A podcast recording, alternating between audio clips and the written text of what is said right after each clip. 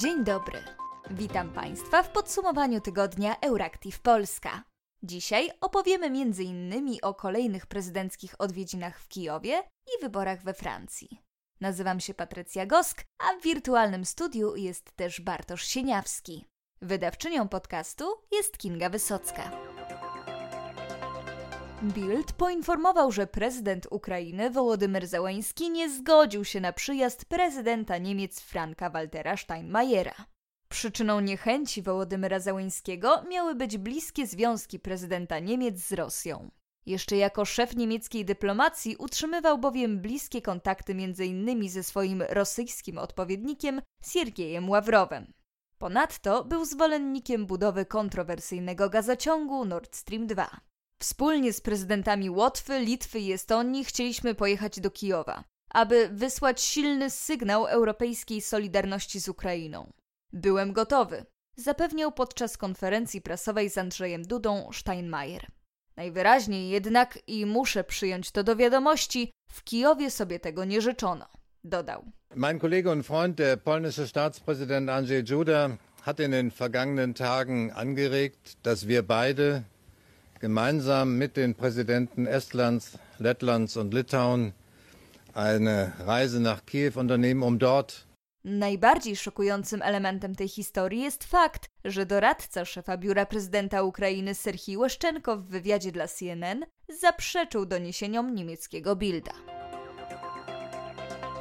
Podczas wizyty w algierskiej stolicy premier oraz minister spraw zagranicznych Włoch ogłosili podpisanie umowy na dostawę gazu ziemnego. Chodzi docelowo aż o 9 miliardów metrów sześciennych rocznie, czyli prawie 1 trzecią tego, co obecnie włoska gospodarka sprowadza z Rosji. Dzięki podpisanej w Algierze umowie to właśnie algierski gaz będzie stanowić większość zagranicznych dostaw do Włoch. Dotychczas rocznie gazociągiem biegnącym z Algierii przez Tunezję, Morze Śródziemne i Sycylię Włochy sprowadzały 21 miliardów metrów sześciennych gazu rocznie. Podpisana przez przedstawicieli włoskiego koncernu energetycznego Eni z algierską państwową spółką Sontarach, umowa stanowi, że łączny przesył na poziomie 30 miliardów metrów sześciennych gazu zostanie osiągnięty w 2023 roku. Premier Draghi ogłosił, że to porozumienie jest znaczącą odpowiedzią na strategiczny cel, jakim jest uniezależnienie się od dostaw gazu z Rosji.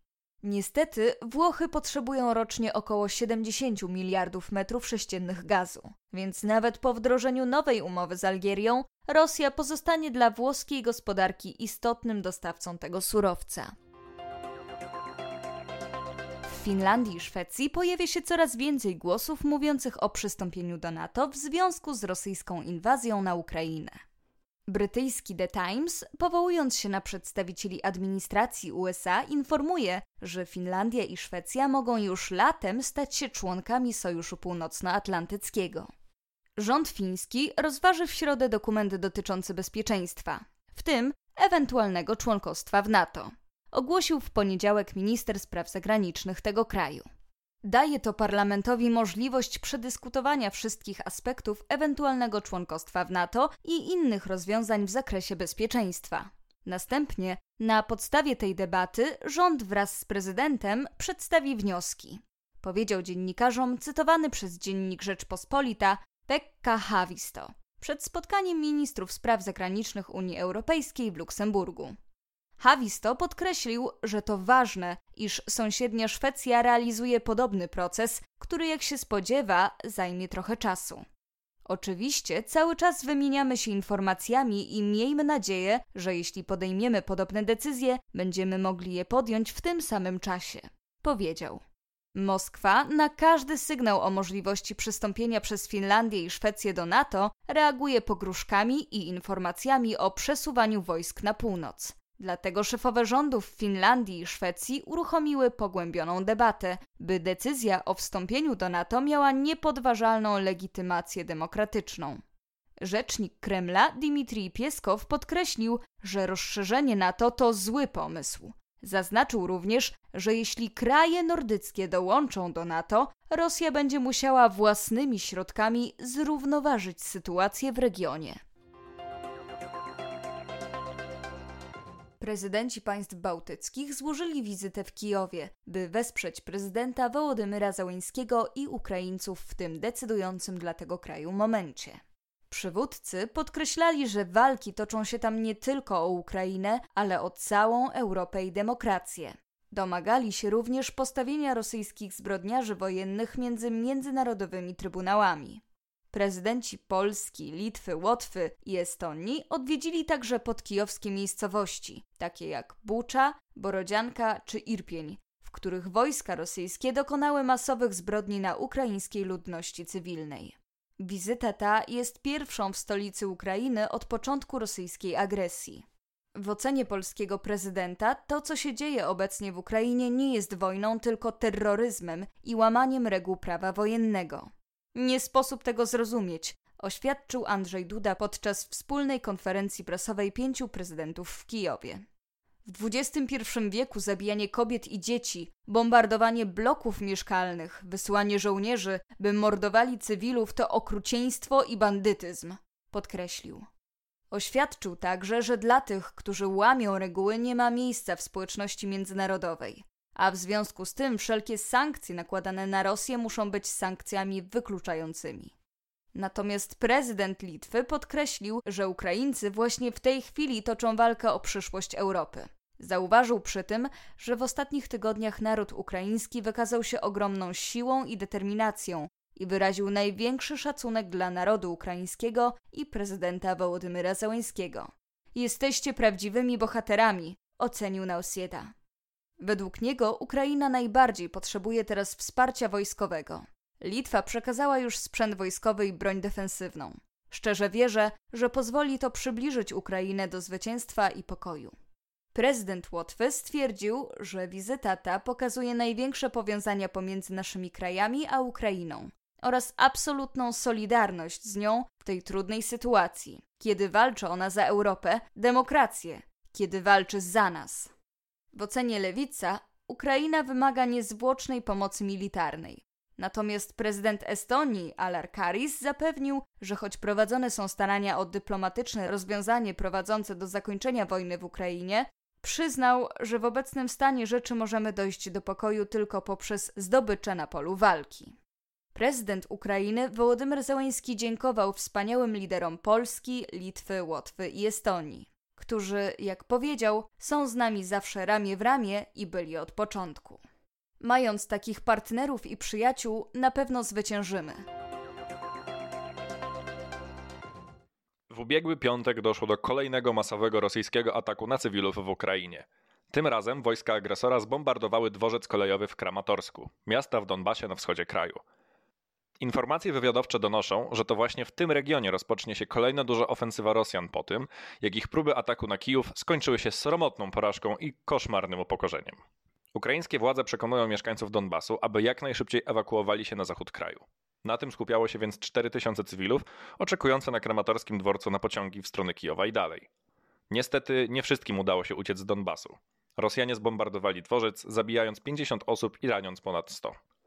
Według ukraińskich władz, na podstawie zniszczeń dokonanych przez pociski, można stwierdzić, że była to zakazana amunicja kasetowa.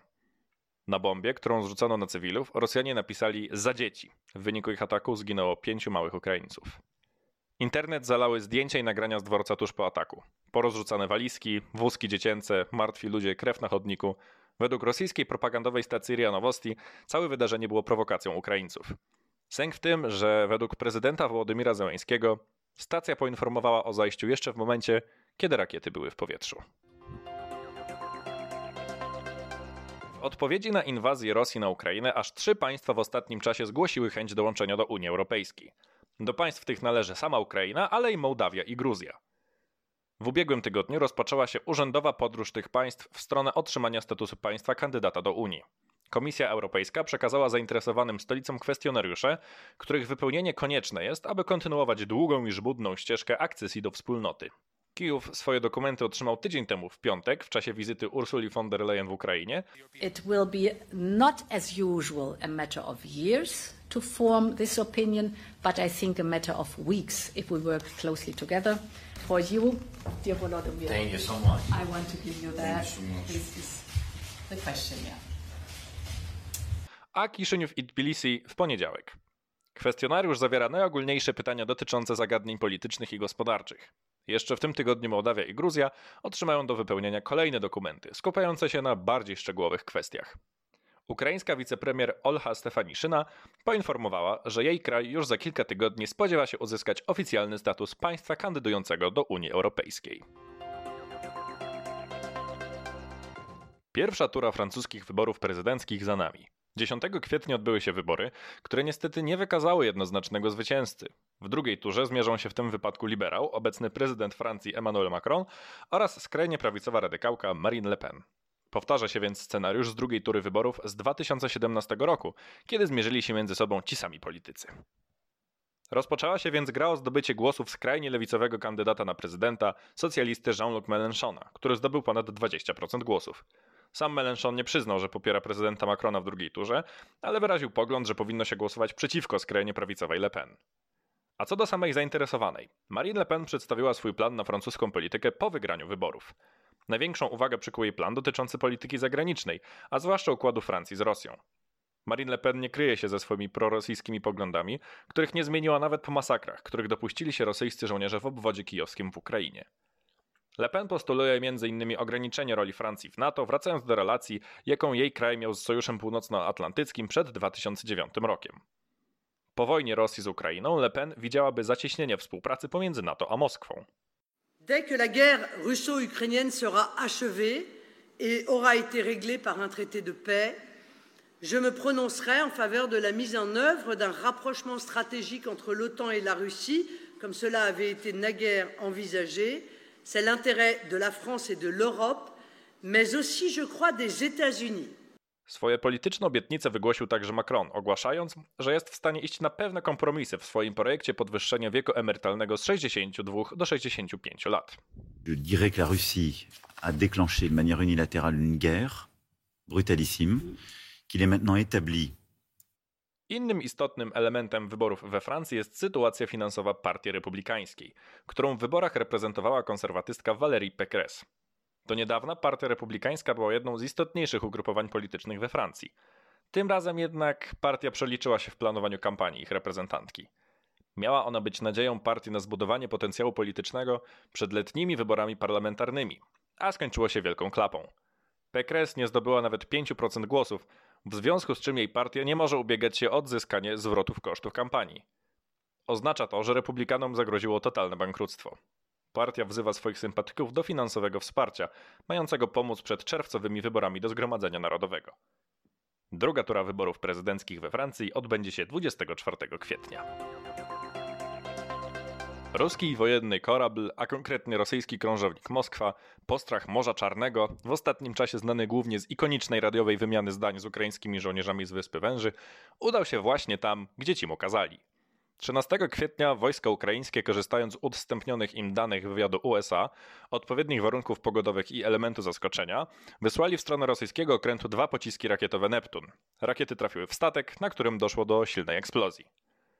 Początkowo okręt nie zatonął pomimo takich doniesień. Został jedynie uszkodzony, co potwierdził Pentagon. Okręt wzięty na hol miał udać się do Sewastopola na naprawy. Niestety sztorm, który panował w tym czasie na Morzu Czarnym, uniemożliwił mniejszym statkom zrobienie Moskwie miejsca w porcie, w związku z czym uszkodzona łódź musiała czekać na otwartych wodach. To było gwoździem do trumny okrętu, który ostatecznie poszedł na dno, co potwierdziła rosyjska propagandowa stacja RIA Novosti. Zatopienie Moskwy jest wielkim zwycięstwem dla Ukraińców. Okręt, choć już nieco przestarzały, stanowił znaczne zagrożenie dla innych statków, samolotów czy dronów, patrolujących Morze Czarne. Pociskami z krążownika zagrożona była także przykład Odessa. Zatopienie Moskwy jest największym tego typu wydarzeniem od 1982 roku, kiedy królewskiej marynarce Wielkiej Brytanii udało się zniszczyć argentyński okręt Admirał Belgrano. Według nieoficjalnych informacji rosyjski admirał floty czarnomorskiej Igor Osipow został brutalnie zatrzymany. Nie wiadomo, czy miałoby mieć to związek z utratą flagowego okrętu podległych mu oddziałów. To już wszystko w dzisiejszym podsumowaniu tygodnia redakcji Euractiv Polska. Życzymy Państwu wesołych świąt wielkanocnych.